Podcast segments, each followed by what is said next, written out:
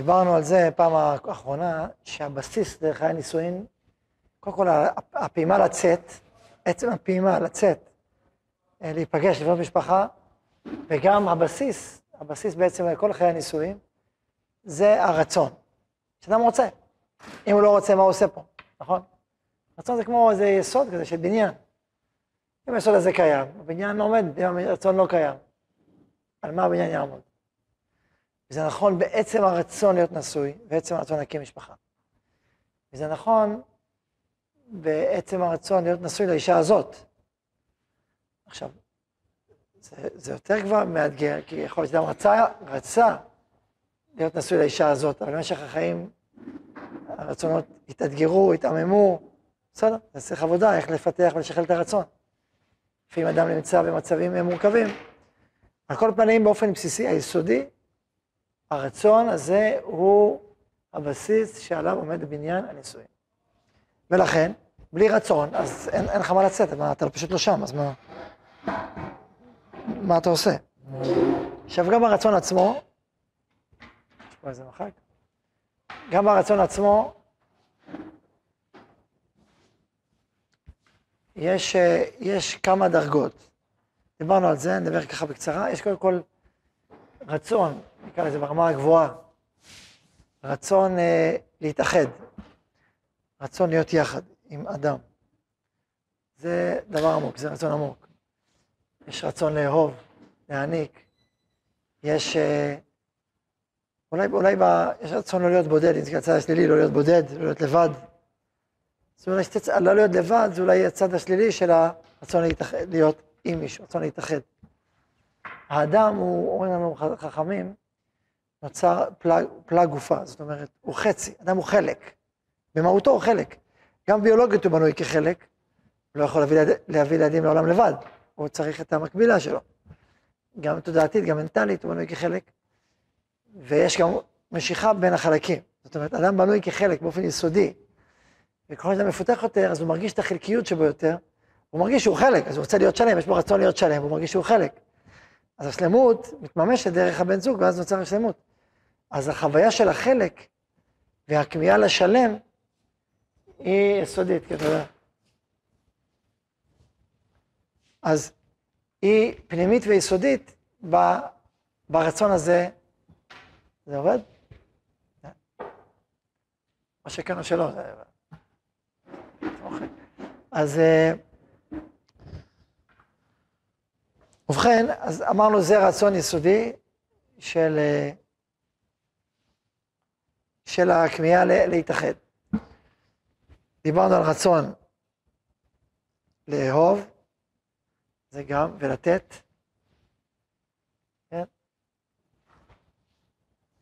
תודה. תודה פעמיים.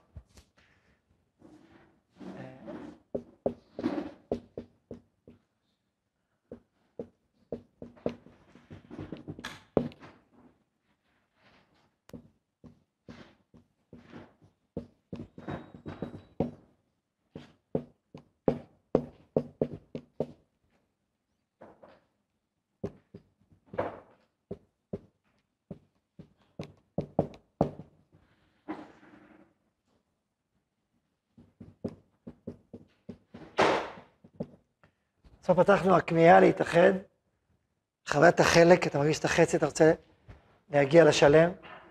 הכאב שבבדידות זה הצד החוסר, חוויית החוסר. אז הבדידות מעצימה את זה שאתה חלק. הרצון להעניק, לאהוב, להעניק, לתת, זה גם דבר בפני עצמו. הוא יכול להיות אה, וריאציה של זה, אבל הוא גם בפני עצמו. רצון לאהוב ולהעניק ולתת. למה כמו שאדם מרגיש שהוא בשל אה, ללמד.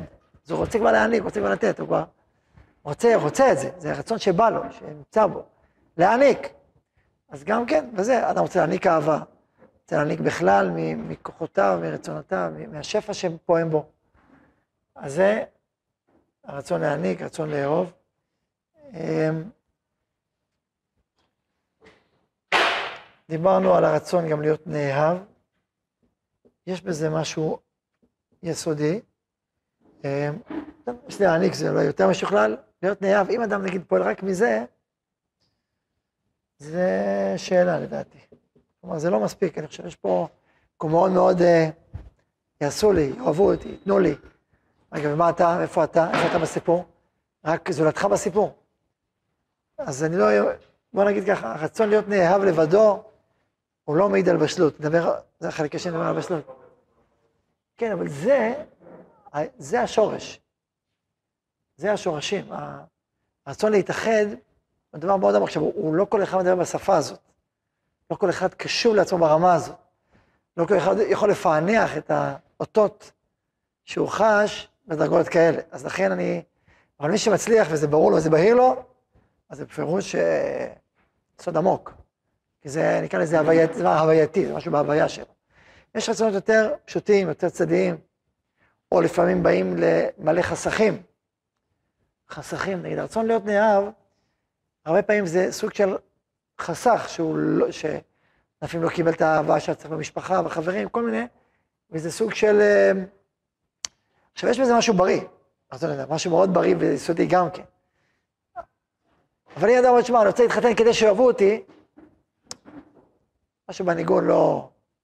חסר, זה לא... אל תת... רק בזה, זה בעייתי. כאילו מה, אתה לא רוצה לאהוב, אתה לא רוצה להעניק, מאיפה אתה... משהו בדרך כלל נשמע בציל הזה לא מדויק, ולפעמים אה, גדילה לא שלמה, וצריכה איזושהי הכוונה והתפתחות. למרות שיש בזה משהו יסודי גם כן באדם, כחלק ממכלול. עכשיו, אה, אנחנו מדברים על אה, רצון להמשכיות. אדם אה, לבדו הוא ערירי. איך אתה ממשיך את עצמך בחיים? הרצון, המש, המשפחה, הילדים, זה בעצם סוג של המשכיות. זה קצת מתכתב עם הרצון להעניק, רק זה יותר עמוק, וזה יותר... אה, הוא רוצה להמשיך, להשאיר אותם, וזה גם כן רצון. אה, המשכיות. אני לא אומר נצחיות, אולי זה קצת מוגזם להגיד את המילה נצחיות, אבל זה לא מוגזם לגמרי. הרב קוק אומר שאפילו התאווה, התאווה המינית, הוא אומר, כל כך חזקה, בגלל שגנוז בה העוצמה של הנצח, העוצמה של ההמשך. הרבה יותר מהחיים שלך, אתה בונה את כל הדורות הבאים. הרי בנטייה הזאת, הנטייה הזאת גונזת בתוכה את הכוח שבונה את כל העתיד של העולם. אז השורש הקדוש הוא עצום, כי זה כל הבנייה, כל אותו ברמה, אמרנו בתוספות בשבת, שמצוות פרי אביה מצווה גדולה היא, נכון? מצווה רבה היא. זה בניין העולם, זה יישוב העולם, זאת אומרת, בנטייה הזאת יש את, את כל ההתפתחות העולמית בכל הדורות, אז זה דבר מאוד משמעותי. תאמר לעצמכם שדור אחד מחליט שהוא מפסיק, מפסיק את האירוע. מפסיק את האירוע, לא מתאים לו, לא בא לו, לא נעים לו מדי. זהו, הוא רוצה להפסיק את האירוע, מה קורה? אין אירוע, כאילו פשט, נכון? זאת אומרת, העולם נעצר, פה, ברגע זה הוא נעצר. אני מתאר לעצמי שכל מיני חולמי חלומות הזויים, או אפוקליפטים כאלה שחושבים על חורבן העולם, רצו לעשות, בוא, בוא נשכנע את העולם. לא כתבו על זה ספרים כאלה, בוא נשכנע את העולם. אז זאת אומרת שלצד השני, היסוד שמניע את הפריה ורבייה הוא יסוד שבעצם אוחז בתוכו, מגלם בתוכו את השייכות הנצחית. אז לכן יש בו שורש בקדושה חזק מאוד, אומר הרב קוק, עד לפעמים יותר מהחיים של האדם את עצמו, כי הוא, יש בו משהו גנוז לעתיד. ככה מסביר הרב.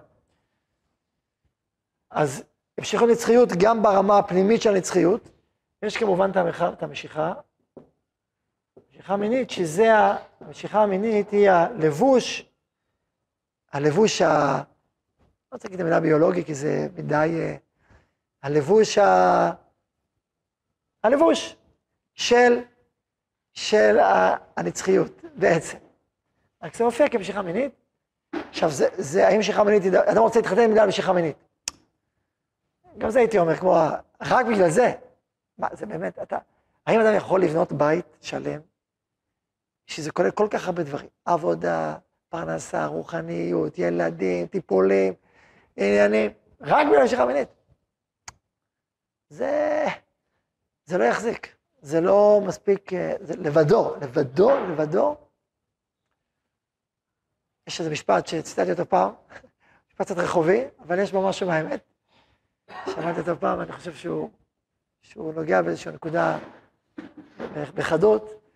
הוא אומר כך, היופי, הוא אומר, הוא מזמין אותך. האופי משאיר אותך. כך אומר הפתגם הזה.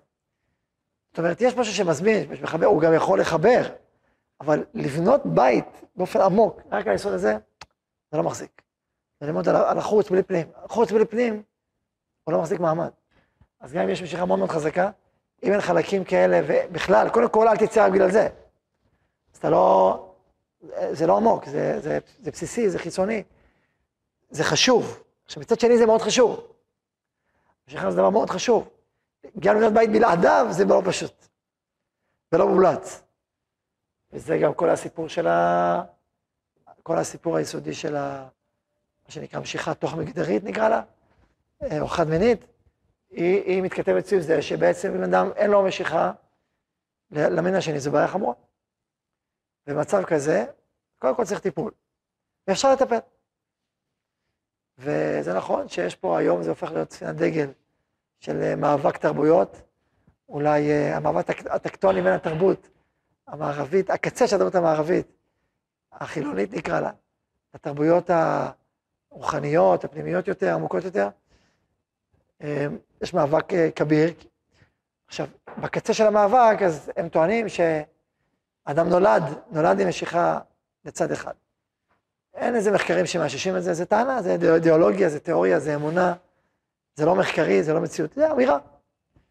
אה, הרבה מאוד פסיכולוגים חושבים אחרת, פועלים אחרת, ומצליחים בפועל לעזור לאדם להתאים את המשיכה המינית שלו לגוף שלו. נקרא לזה טיפולי התאמה.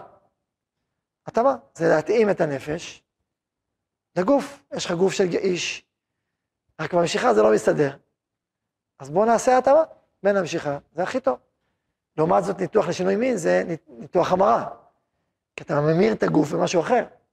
זה ממש ניתוחי המרה פולשניים, חודרניים. הרבה מאוד מהאנשים שאמרו טיפולי, טיפולי המרה, ניתוחי המרה, מה שאני, מה שאני קורא לזה ניתוחי המרה, הם מתאבדים בסוף. כל מיני סיבות שאומרים שזה לא בגלל ניתוח, הניתוח זה רק זה, אוקיי, אולי כן, אולי לא, אני לא יודע. אבל ברור ש, ש, שזה ניתוח uh, קיצוני, פולש, ניתוחי המרה קיצוני פולשניים, אם משהו לאסור בחוק, את זה צריך לאסור, כמובן. מינימום הצעה של משרד הבריאות. מינימום. לצערנו, תחת אה, השר הזה שהיה, אז הייתה המלצה של משרד הבריאות לא לעבור טיפולים פסיכולוגיים של התאמה. הזוי. עכשיו כמובן, טיפולים צריכים להיות התאמה. זאת אומרת, טיפולים מתוך בחירה, מתוך רצון, מתוך הבנה פנימית. בדרך כלל זה גם לא טיפולים ממוקדים. זה, זה, זה בעצם חיבור לעצמי. באופן שלם יותר ובהיר יותר. הרבה פעמים הסיבות שגורמות למשיכה חד מינית, אני אומר את זה מתוך אה, לימוד, זה לא סתם אני משלף לכם דברים, אה, זה בגלל סיבה שאדם בילדותו, בנערותו, אה, העליבו אותו, התייחסו אה, אה, אל היבטים נשיים שבו באופן אה, מזלזל. אמרו לו, אתה אישה, אתה, אתה חלש, אתה, כאילו החברה. ואז הוא למד לזלזל בהיבטים האנשיים שלו, ואז, ובגלל זה הוא כאילו איבד משהו מה, מה, מהגוון הזה באישיות שלו, אבל הוא צריך איש להשלים את זה, את מה שהוא איבד. זה חלק מההסברים העמוקים לעניין הזה. הרבה פעמים זה פגיעות מיניות, כמובן, שיוצרות אה, איזשהו חותם, חותם, בתוך בן אדם, כאילו למפגש המיני הראשון או השני שהוא חווה, אם זה היה מאיש, אז כאילו, הוא כאילו צרב בו מפגש מיני באופן הזה. ואז כאילו האנרגיה המינית עברה לשם, למסלול הזה, כאילו עברה למסלולים הלא נכונים, בעקבות הפגיעה הזאת. אז זה גם כן דברים שקורים, זה לא ממש, זה נולד ככה, פשוט זה עבר דרך הפגיעה לה, ונהיה מתועל באופן אה, הרבה הרבה שנים לפעמים לצינורות האלה, וצריך לעשות עבודה, לשחרר את זה ולתל את זה מחדש, ולעורר מחדש את אותה נטייה טבעית, ראשונית, שבין זכר לנקבה, בין איש לאישה. וזה מה שהעובדים המטפלים. אה, רובם עובדים בה בכלל, על, כמו שאמרתי, על הביטחון עצמי, אולי על גבריות, אולי על נשיות, כל מיני חלקים באופן כולל בתוך האדם, ואז האדם עובר בעצם תהליך של ריפוי ושל השלמה פנימית, ואז הוא יכול להימשך מחדש אה, למין השני ולהקים משפחה. ויש לא מעט אנשים שעשו את זה והקימו משפחה מאושרת. האם אפשר להגיד מראש שכולם, כולם מצליחים? לא. לפעמים זה מורכב מדי, לפעמים זה עמוק מדי. לפעמים זה לא מצליח, אוקיי, זה יכול להיות דבר כזה. אז מה יעשה האדם? יש ניסיונות בחיים. מה קורה אצלנו נולד נכה? מה זה נכה? מוגבל. אדם נולד מוגבל. נגיד. ואם הוא לא מצליח להקים משפחה, נכון? אז מה אתה אומר, איך יכול להיות? יש רפורמות של עולם, גלגולים קודמים, דברים קודמים, יש כל מיני דברים, אדם לא סתם, העולם לא סתם נמצא פה. יש כל מיני צדדים, אז אתה אומר לעצמו שאתה ניסיון גדול, התורה אומרת לי אסור. היא קוראת למימוש שהנטייה הזאת תועבה, לא לעצם הנטייה. לא הנטייה, מה יכול לעשות? הפוך. אני, אני מכיר אנשים צדיקים וגיבורים, שממש, וואו, אני אמרתי להם הרבה פעמים, אני אומר להם, ש, שבעיניים פנימיות אתם בכירים מאוד מבחינה רוחנית. אם הייתי יכול לכם להגיד דרגות, אלוף משנה, תת-אלוף, אנשים עושים עבודות מטורפות, מבחינה אישיותית ונפשית. הם, הם, הם צדיקים, אנשים גדולים. התורה אומרת אסור תועבה, אז תועבה, נגמר. אז מה לעשות? אז צריך למצוא פתרונות. יש כל מיני פתרונות, למשל אחד הפתרונות שמדברים עליהם, יש כאלה שחולקים עליהם, זה לא הולך, כן הולך, אבל תאורטית זה גם יכול להיות שאישה שיש לה משיכה לצד אחד, צריכה לגשת למשל לצד שני, ויחיו כחברים, לא כ... לא, ו... וילדים כחברים, לא כ... אז זה דרך גם, יש כל מיני דרכים. שאלה מה הנחת היסוד שלך, הנחת היסוד שלך שזה מולד, ושהנטייה המינית היא מרכז האדם, וכל עוד לא מימשת אותה, אז אתה, אתה את, את המהות שלך לא מימשת וכולי, כל מיני הנחות יסוד מערביות. אוקיי? אז זה הנחות יסוד שהם בחרו לאמץ אותם, זה לא, זה, זה אידיאולוגיה, זה פילוסופיה, זה, זה אמונה מערבית. וגם אתאיסטית, כי לא, היא לא מבינה שיש בורא לעולם, שיש הקשר לעולם, נולד בשביל סיבה. אם הנחת יסוד שלך של החיים היא אתאיסטית, היא מקרית, העולם הוא סתם, הוא מקרי, ואדם הוא סתם יצור ביולוגי שמרחב בחלל, ואין לך שום תכלית ושליחות וייעוד ונשמה, ואין הדברים האלה. בסדר, אז אוקיי, אז אדם כל כולו רוצה לדחות. אז בסדר, זה הנחת יסוד של החיים שלך. בחרת את הנחת יסוד, תלך איתם. הנחת יסוד האמונית היא אחרת לגמרי, אה, שהעולם הוא לא במקרה, הוא לא פיצוץ, ואדם הוא לא במקרה, ויש בורא, ויש בריאה, ויש כיוון לעולם, ויש תכלית. יש נשמה. ואם אדם אה, לוקח אה, גוון אחד באישיות שלו ומשליט אותו לכל האישיות שלו, הוא פוגע וחוטא בעצמו. יותר, עוד יותר, הרבה יותר. אז מה זה ניסיון? ניסיון גדול. ואנשים, בסדר, עמדו, עמדו בניסיונות יותר גדולים מאלה גם. יש אנשים שלא זכו להקים משפחה בכלל, יש אנשים שהאישה הראשונה שלהם נפטרה והם כל אחים, יש הרבה דברים, העולם הוא לא פשוט. אבל להפוך את זה לבלתי עביר, בלתי אפשרי, יריב ואל יעבור. זה, זה תוצר תרבות, זה לא תוצר מציאות. אני אומר את זה מאנשים שמתמודדים בניסיונות האלה, לא אני. אנשים שאומרים ככה, וככה הם חיים. עכשיו, יש הרבה פתרונות, אבל לא צריך להגיע ישר לקצה. וכמו שאמרתי, הרבה טיפולים נכונים ודברים, יש הרבה, הרבה, הרבה, הרבה מאוד מה לעשות. אם אתה מרגיש, זה שבוא, שבוא להתייעץ, לדבר, יש שם הרבה חיבוק פנימי, אישי, הכלה, הבנה, באופן אישי. אתה הופך את זה לדגל, אז פה זה מאבק תרבותי. במאבק הזה אנחנו נלחמים. עוד דבר אני אוסיף בין הנקודה הזאת, וזה אנחנו, אני חושב שאשלים את מה שרציתי להגיד פה. אמ,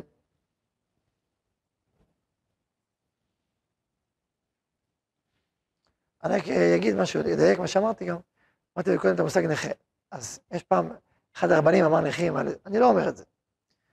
אני כן אומר שמשהו לא תקין, משהו לא, משהו לא טבעי. הרי זה ברור, אפשר להביא ילדים לעולם ככה. תקפוץ, תעשה סיבובים, כל התיבות הלהט"ב יעמדו וימלאו את העולם דגלים. זה יעזור להם להביא ילדים לעולם באופן טבעי? לא. כי זה לא טבעי. מה לעשות? זאת העובדה. אנחנו רואים הרבה יותר עמוק, לא רק טבעי. אלוקים ברא עולם באופן אחר, והוא רוצה אותו באופן אחר. ולא רק זה, הוא גם אמר לו שמך רוחנית, זה תועבה. אז זה מה שהוא אמר.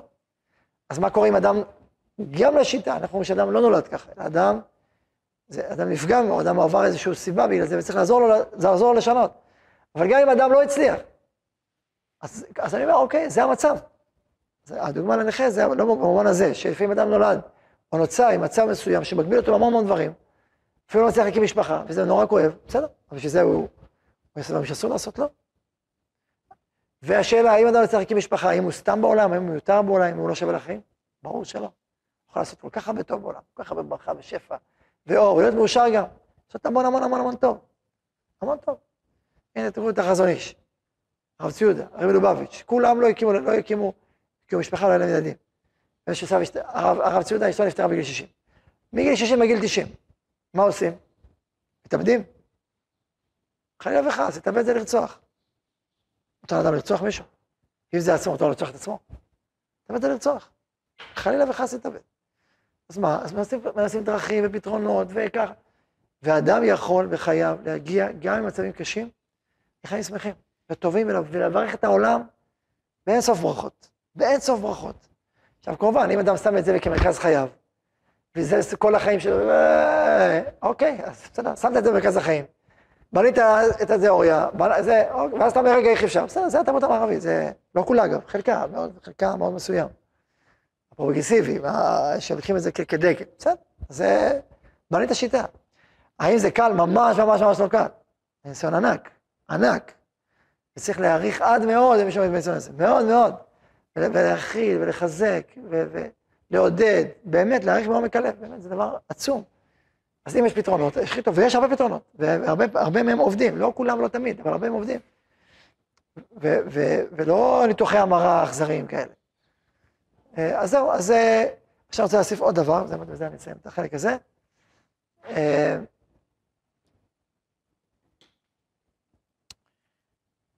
המחקרים מראים שלאנשים בגיל ההתבגרות, מגיל 13 עד גיל, היום זה כבר, מתחילים קצת גיל ההתבגרות, זה גיל 20, 21, אני מקל, שיש מוכרים עד 24, 27, אבל לפעמים באמת גדל קצת יותר. האדם, הזהות המינית שלו לא מספיק ברורה לעצמו. הוא לא בהיר לו, אז הוא יכול להתבלבל, הוא פה, הוא לשם. כמה אחוזים יש כאלה, לפי המחקרים, בגיל ההתבגרות, שהזהות המינית לא ברורה, לא מעוצבת להם כל צורכה, נו, נו אחוזים, אבל מי שלא שמע, שמע כבר שמע. מי שלא שמע, מי שלא שמע, יופתע. מה? כי אמרתי כמופתע או כי זה מה שאתה חושב? 17 אחוז, יפה. 17 אחוז, 17 אחוז זה שמתוך 200 אנשים, 34, 5 אנשים, מתוך 200, תחשבו כמה זה. בגיל ההתבגרות, הזהות הייתה הייתה ברורה. עכשיו, מה קורה בדור שלנו? אבל עכשיו, מה קורה בהמשך? היא מתעצבת ומתייצבת, והם מתייצבים על ה... מה? ה-17 אחוז, זה היה, יש איזה בלבול כלשהו בזהות, מתוכם רק 3 אחוז, לפי המחקרים, וזה אפילו פחות, יש באמת קושי יסודי. שאז מה שאמרתי, טיפולים, עניינים, כמו שזה, מתחילים איזה מסלול אחר. 3 אחוז. על זה אנחנו מדברים.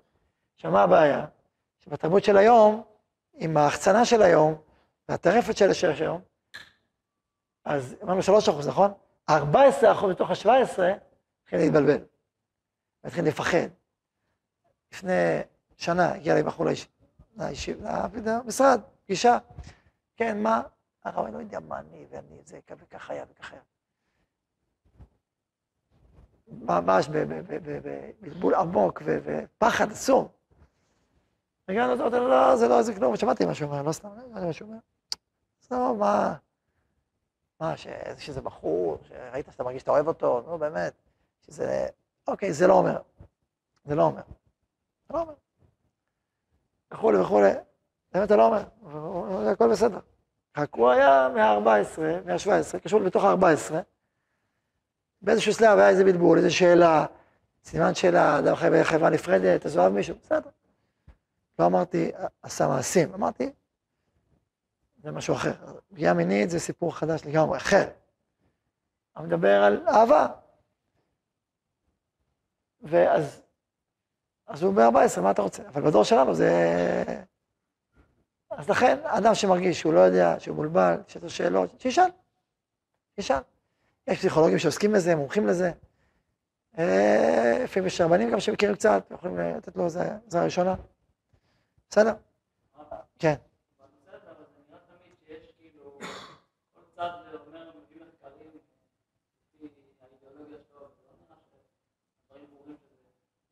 מה אמרתי? מה אמרתי? אמרתי שאין שום הוכחה שזה מולד.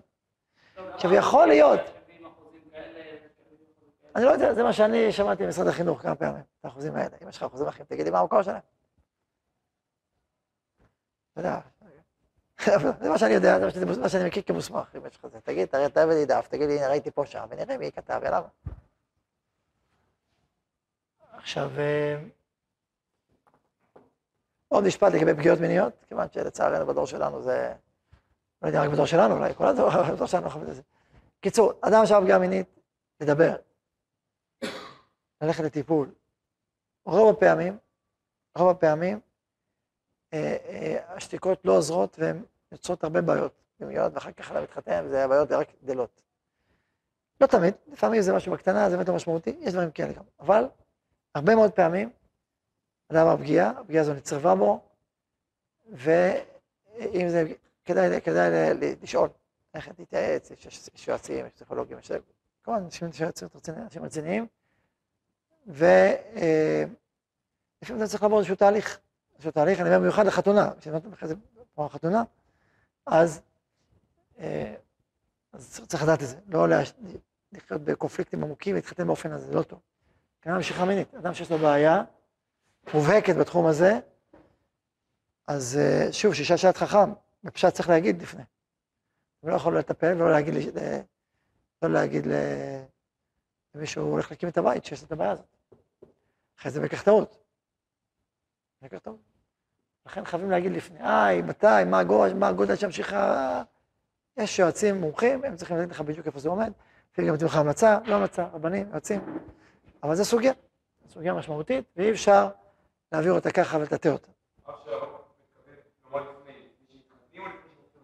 בדרך כלל ההדרכות בדברים האלה, לומר את זה אחרי 4-5 פגישות, שיש כבר פוטנציאל, זאת אומרת, אם יש פוטנציאל, היא מכירה את הבן אדם לא רק מבעד לזה, היא מכירה אותו באופן ניס. מצד שני, כבר לא, אין לזה כבר קשר מספיק עמוק כל כך, ש, שכבר, אה, זהו, כאילו, שווית אותי. יש הרבה דברים, יש כמה וכמה דברים שתחת הכותרת שאמרתי, שלוש-ארבע פגישות, ואז להגיד. אה, אני צריך לשאול שאלת חכם בדברים האלה, אז אה, כן. מה?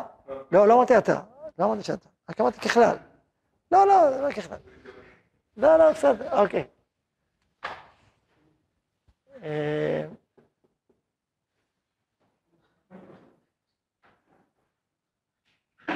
טוב.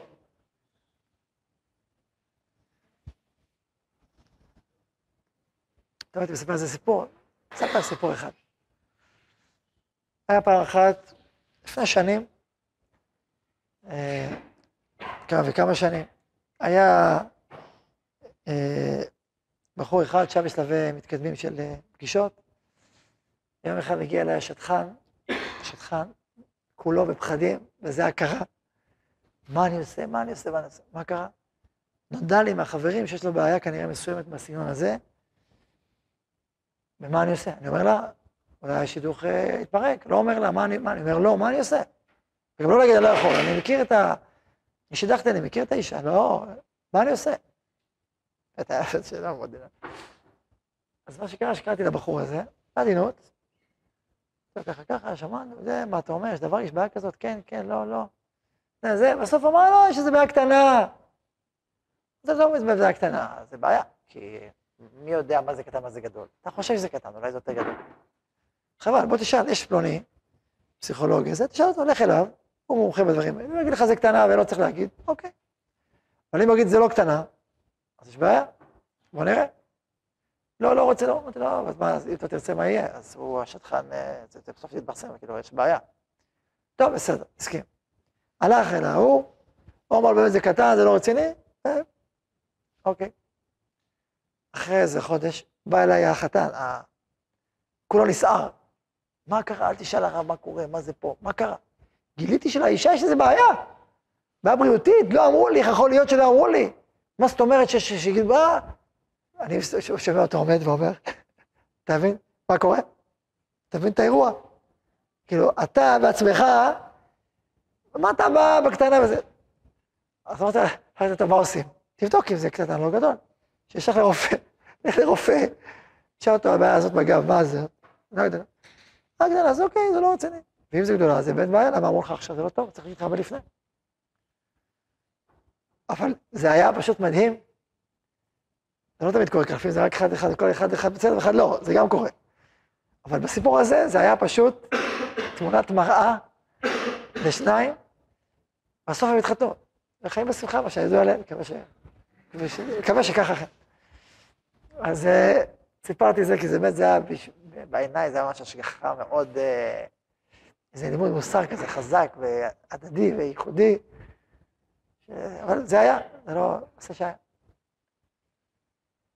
טוב. יאללה, שבאמת לא תכננתי לדבר על זה, אבל תכננתי לדבר על זה באיזשהו שלב. אז זה הגיע עכשיו, אז עכשיו. זה חשוב בדור שלנו כבר, אי אפשר לא לדבר. אה, טוב.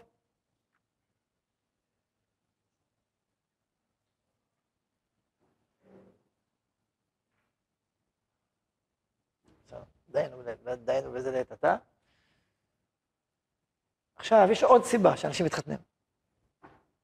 בהתחלה לא, לא חשבתי לכלול אותה, אבל אחרי זה החלטתי כן לכלול אותה. קוראים לה הסיבה החברתית. במיוחד בחברה הדתית, מה שנקרא דתית, אה, תורנית. אדם בגיל מסוים, שמע, הוא עוף וזר כאילו. שבתות, חגים, כולם משפחות וזה, והוא חי לו לבד, מתארח אצל ההוא, ואצל ההוא, ואצל ההוא. כן מתארח, ולא בא לו להתארח אצל זה קשה, לא? יש שם משורר, קשה. אז הוא אומר, יאללה, אני חייב להתחתן, כאילו מה? אני צריך להתחתן כבר, צריך להיות נורמטיבי, משהו, הנורמה, החברה, הנורמטיביות של החברה. מה אתה אומר על הסיבה? זה הסיבה. מה אתה אומר על הסיבה? זו סיבה שמשפיעה. מה אתם אומרים עליה? אתם בעד או לא בעד? אז התשובה היא, התשובה היא, התשובה היא שאין לך דבר שאין לו מקום. זאת אומרת, רק בגלל זה, כאילו מה, אין לך, כל החלק הזה לא נמצא אצלך, זה בעייתי כאילו, מה קורה לך? נכון? אבל זה שזה יכול להיות זרז, קטליזטור, לפעמים אדם חי, אה, הוא קרייריסט, הוא רוצה, זה, הוא בסדר בסך הכל, הוא קרייריסט, הוא, ופתאום בחברה, אז זה טוב, אז החברה מאזנת, נטיות אחרות, קרייריסטיות, אה, כל מיני דברים שלא נכונים, שיקולים לא נכונים, אה, כאלה ואחרים, אז החברה מאזנת אותם, וזה טוב, זה טוב שלחברה יש נורמות בריאות, זה טוב, זה טוב לייצר חברה עם נורמות בריאות, כי הנורמות הבריאות האלה עוזרות לאדם להופיע מה שנכון להופיע. אבל אם רק זה, ברור שלא, מה, אתה רק מופיע, אז מה קורה? בוא נבדוק מה המצב, איך, איך תתחתן אם אתה לא רוצה להתחתן, כאילו, רק כי מבחוץ. נכון, זו שאלה. עכשיו, לא הכנסתי פה את מה שדיברנו פעם הקודמת על מצווה. מצווה, מצווה להתחתן. יש דעות שקידושין זה מצוות עשה. יש פרייה ורבייה מצוות עשה מהתורה. מצווה גדולה, מצווה רבה, לא סתם מצווה. אז מה אומרים עליה? אז כמובן, מצווה זה מניע, ודאי מניע יסודי בחיים של אדם מאמין. זה מניע ענק, חזק, יסודי, עמוק, משמעותי, בלי ספק. אבל אם אדם אין לו את כל זה, יש לו רק מצווה, אה, זה בעיה. הוא לא יכול לקיים את המצווה באמת. כי איך, איך הוא יקיים מצווה אם הוא רגיל לשתות, שמעי, האמת היא, אני לא רוצה אותך, למה אתה, יש מצווה, רצון השם. האמת, אני לא אוהב אותך, מה, אני אוהב את השם. טוב, תתחתן איתו. כאילו, מה, מה, מה, מה אתה עושה פה, כאילו, מה? בן עזאי, באורסה, אתה יודע באורסה, כאילו, מה, מה אני קשורה לסיפור שלך? כאילו, אני מה, אני חפצה של המצווה. אתה מבין? אז זה, זה, זה לא... אוקיי. כן, אבל למה אני לא אמרתי את זה? תגיד אתה. את יודעת מה? אני אוהב אותך. יש מצווה אחרת. אהבת לך כמוך. אז אני אוהב אותך במצווה אחרת, מדין אחר. לא מדין הזה, מדין אחר.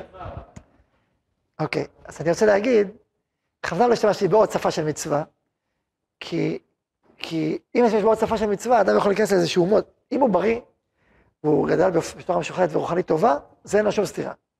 המצווה, אהבת השם, אהבת לך כמוך, הכל זה ביחד בה.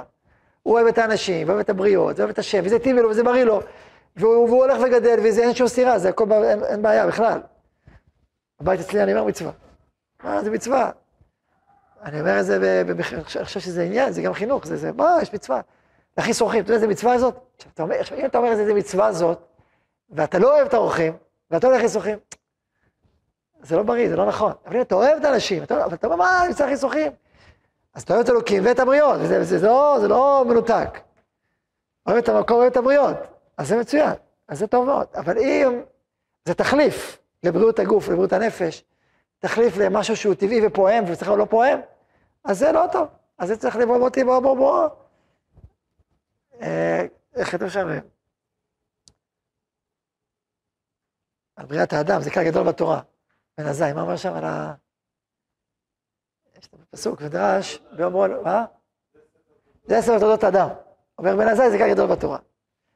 אז זה תולדות לאדם, זאת אומרת, המושג אדם, עכשיו המושג אדם יש בו הרבה רמות. עד הרמות הרוחניות הכי גבוהות והאציליות של אה, אורות הנשמה, אבל זה עובר דרך גוף, נפש, רוח, גם נפש, נפש זה חלק מעקומת האדם שלך. ואם, כמו שבגוף לא בריא, אז משהו האדם לא שלמה, אז גם הנפש אותו דבר, וגם ברוח אותו דבר. וצריך להיות, הרב קוק אומר, משפט יפה מאוד, אומר, צדיקים באמת צריכים להיות אנשים טבעיים ולא מובן המילה. שמעת, מתנאל? צדיקים באמת צריכים להיות אנשים טבעיים. רק הטבע, הוא לא מתנגד להפוך, הוא מתעדן, מתעלה ומזדכך, והוא לא מתנגד להפוך, הפוך לגמרי. לזה אני מתכוון, אני מתכוון שהרוח לא תבוא על חשבון מישורים אחרים, במקומם. אלא תעצים אותם ותעמיק בהם, וברור, ופני, אבל זה, זה עם כל החלקים. אדם טבעי ובריא. אבל אם אדם במקום טבעיות בריאות נפשית או פיזית, הוא uh, מדבר על, על, רק על רוח, אז, אז הוא לא מאוזן נכון, הוא לא בנוי נכון, מה הוא צריך uh, שכלול.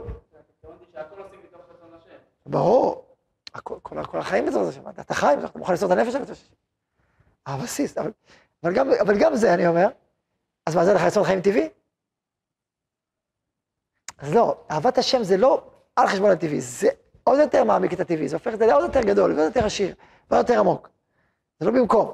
זה, זה פה, אפשר ככה בקטנות להתבלבל לכאן, לשני הצדדים. קטנות ליברלי יותר מדי, ואז כאילו אתה לא, אתה לא חי חיי אמונה, אתה חי חיי, סתם, חי חיים פשוטים. וגם להיות, אה, אומרת, צדיק הרבה, זה גם בעיה, מצד שני, זה כאילו, נכון? טוב. בישיבה אנחנו מאוד מנסים להשתדל שהחינוך שלנו יהיה, שמצד אחד יש בו יראת שמיים עמוקה ויסודית, ופנימית אין מסירות נפש של קדושת השם, ככל צדיקי ישראל וגדולי ישראל, מצד, יחד עם זה בריאות, שמחה, טבעיות של חיים. בסדר? זה, זה, וזה בורא, זה לא על חשבון, זה רק, זה רק מגדל, זה רק מעצים. וזה הרב קוק אגב, הוא מאוד מאוד הדגיש את הדרך הזאת. אבל לא רק הוא. אפשר להביא את זה גם הוכחות, כמובן, מהתורה, ומקומות אחרים וכולי. אני הבאתי את זה פשוט, אז זה אחר כמוך, לא יקרה. טוב.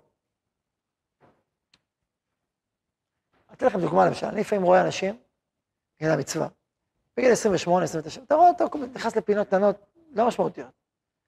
אז לפעמים פונה אליו כאדם מאמין גם. אתה אדם מאמין, אתה לא סתם אה, שוטט בעולם. העולם זה לא מרכז בילוי ענק, נכון? אתה, אתה אדם מאמין, אתה, אתה חי חיים רוחניים. אתה מבין שהעולם הזה הוא לא סתם. אז יש לך מצווה, פירה ורבייה, כאילו, מה אתה עושה במצווה הזאת? מה נראה לך, כאילו? מה איתך, כאילו? אני, אני אומר את זה, אני אומר את זה, אבל צריך לדעת מתי. צריך לדעת מתי להגיד. בסדר, אני בגיל 25 זה ברור. אני לא אומר את זה בגיל 24, בגיל 24, אה, עכשיו, ההלכה אומרת שאדם לא אסור לאחר את, ה, את החתונה, אלא אם כן הוא לומד תורה. אז זה ההלכה, פשט ההלכה. ועם זאת, זה לא פשוט. זה לא פשוט. כי אדם אומר לך, אני מתעניין, משתדל, אני רוצה, אני ככה, זה לא כזה פשוט, אני לא רוצה להתחתן. יש הרבה דיבורים, זה לא ככה. ולכן, גם כשאתה אומר הלכה, צריך להיות מאוד uh, מדויק. למה? כי אם אדם מתחתן בגלל ההלכה, והוא לא בשל, ונדבר ונדבר על הבשלות, זה, זה הנושא הבא, אז הבית שלו יהיה לבית קשה וכואב. ואתה, אתה תעזור לאשתו אחר כך? שהיא בוכה בלילות, אתה תגיד לה, תשמעי, מה לעשות? אני... מה, לא, הוא לא היה מוכן, אתה, אתה דחפת אותו לא נכון. אז מה אתה עושה? אתה תכלל את המדינה? לא תמחלה, נכון? אחרי זה הדין. לכן בחרתי דוגמה ברורה יותר. טוב. וגם היא, גם היא לא תמיד, זאת אומרת, הכל תלוי במציאות. זה סוגיה ענקית, רבת פנים. נישואים זה אדם מביא את כל האישיות של ידי ביטוי, מכלול מגוון ועשיר ומורכב, ולכן זה, אין בזה כללים פשוטים. בסדר? ההלכות ידועות, ההלכות ידועות, מעד גיל, מגיל 18, 20 נגיד, מקסימום, אדם צריך להתחתן, אלא אם כן הוא לומד תורה, ואז הוא, אחד צריך לעסוק בתורה, יצא הלכה שהוא ללמוד תורה. אם יצרו גובר עליו באופן משמעותי, לא ערעורים שאתה נמצא בהם כל יום, אלא אז צריך לשאול שאלת חכם, כי בשעת ההלכה הוא צריך להתחתן. מצד שני, אם הוא לא בשל להתחתן, אז הוא פטור מהמצווה עד שהוא יהיה בשל. למה? כי הוא לא יכול לעשות את המצווה. אמרתי לכם הרב קפח אמר פעם קודמת, לא יכול לעשות את המצווה, אז הוא לא יכול לעשות את המצווה, מה לעשות? הוא לא, הוא לא, הוא לא, הוא לא בשל למצווה, הוא לא יכול לעשות אותה, הוא לא יודע לעשות אותה. חז"ל אמרו, אסור להמשיך עד שיראנה, לא רוצה לעשות את המצווה. עד הסוף, עד הסוף, הסוף של הסוף. אסור עליו, אסור עליו. אמרו לו, אתה פוגע בדרך כמוך, אסור לעשות מה שאתה עושה. אז לכן גם החסידים הכי גדולים אנוסים, עכשיו כמובן, מי שמבין יותר לעומק, מבין מה שאני אומר. אהבת לך כמוך זה דבר עמוק, זה דבר משמעותי, זה דבר פנימי. זה לבנות קשר עמוק עם האישה, זה לא אה, סתם איזה מין רחוב אה, כזה חיצוני. אהבת לך כמוך. אומרים בשם הארי שבאישה זה המצווה הכי גדולה של לך כמוך. לא מצאו את זה בארי, אבל כנראה שזה מקום. מה שכן, מה שכן, זה ברור שמבחינת, שבנישואים יש מאוד עמוק אהבת לך כמוך, ויש גם אתגר לעבדך כמוך, באותו עומק. זאת אומרת, יש גם את, ה, את, ה, את המרחב הזה שבפועל של העוצמה הזאת, וגם יש איזה אתגר מאוד גדול, זה לא מי... זה אתגר גדול, לא סתם שלום בית, זה, זה אתגר. זה לקחת שני אנשים עם, עם תוואים, עם שנים, עם חולשות, ויאללה, קדימה. טוב, נדבר בהמשך אולי על מה שבעיניי אחד, יחד גדול, הגיע הזמן? אם זה 45 או לא, טוב, זה, יש דעות. טוב, אז דיברנו על הרצון, בסדר, ברור, ואני מסכים למה דיברנו קודם, שהרצון הוא בריא, הוא חיובי, כשאדם רוצה להתחתן זה טוב, גם אם הוא קצת צעיר זה טוב. לאט לאט יבשיל עוד. טוב, אז זה א', עכשיו דיברנו על, משפט על הבשלה, דיברנו, התחלנו לדבר על הבשלה, נכון?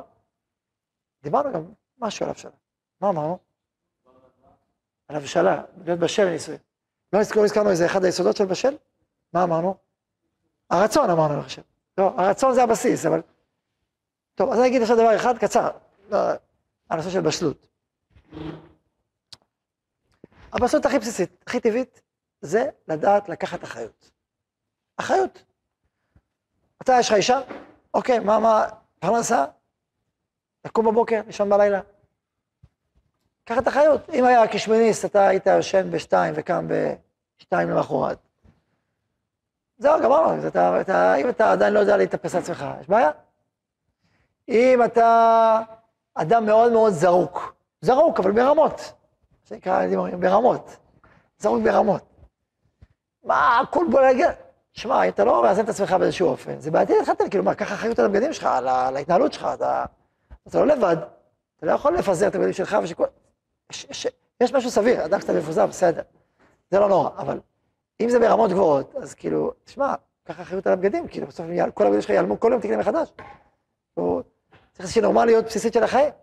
אם אתה רוחני מאוד מאוד, ואתה לא יודע מה זו דירה, ומה זה שכר הדירה, ואין לך מושג ירוק, מה זה בכלל. עכשיו אני אומר, תראה, אם זה יכול להיות, אם אתה בוחר אישה מעשית ברמות, שהיא אוהבת להתעסק בשכר דירה ובדירה ובכל הדברים האלה, אומרת לך, אתה, זהו, אתה, אני, אני, נגיד, אוקיי, יכול להיות דבר כזה, והיו כאלה בעולם. רוב הפעמים, רוב הדברים, זה לא עובד. כאילו, אתה צריך קצת לדעת מה זאת אומרת, מה זה שכר דירה, איך זה עובד, מה יוצא, מה נכנס. יש ארנונה, יש חשמל, איך אתה משיג את זה, איך זה עובד, מה מלגה בכולל, מה אנשים עושים בפועל, איך אני חושב באופן בסיסי, שלי להתפרנס, כן, זה לא תחשוב על זה. קח אחריות. כותב בכתובה, נכון? אנא אפלח, והוקיר, ואזון, ופרנס. והחכה והסובר, איך אתה יכול לחתום על השטר אם אתה לא יודע על מה אתה חותם? נכון? אז מתנה להגיד, זה לא בעיה באחריות, הבעיה היא בחתימה. שאתה לא יכול לחתום, אתה לא קשה הלכתית לחתום, אז אתה לא יודע מה אתה חותם, אתה לא מבין מה, אתה לא מבין את הנקרא. אתה לא יכול לחתום, השטר כתובה, זה הבעיה. אז ננסח את הבעיה בשפה הלכתית כזאת אחרת, אבל באופן יסודי, אז לקחת אחריות, אתה צוחק איתך גם. לקחת אחריות, זה אה, דבר שאדם צריך לדעת לקחת אחריות על החיים שלו, בכלל. יש, יש ודאי, מתוך אמונה, מתוך פנימיות, הוא לא צריך גם להגזים לצד השני. יש כאלה שמגזימים באחריות. מגזימים, אה, הוא צריך הכל, אה, אנשים הפעם גם ראית אנשים כאלה, מגזימים, מגזימים. רגע, אנשים מרוויחים חיים, נכון? גם אתה יכול לחיות, יש, יהיה פתרונות. אז גם זה לא, לא צריך להגזים באחריות, אבל אחריות פסירה, נורמלית, נורמטיבית. אדם שיכול לקחת אחריות, אז יש לו צד של בשלות, ולא לקחת אחריות, עדיין לא בשל. באספקט הזה. טוב, אז למדנו בעיקר על המשך על הרצון, אה, למדנו שהרצון הוא יסוד האדם, ואם אנחנו בחודש הרחמים והרצון, אז זה אומר שהנה, זה הרצון, עכשיו אנחנו על גבי נישאים על גבי הרצון. זה רצון, שנהיה מלאי רצון. הולכים תהיו.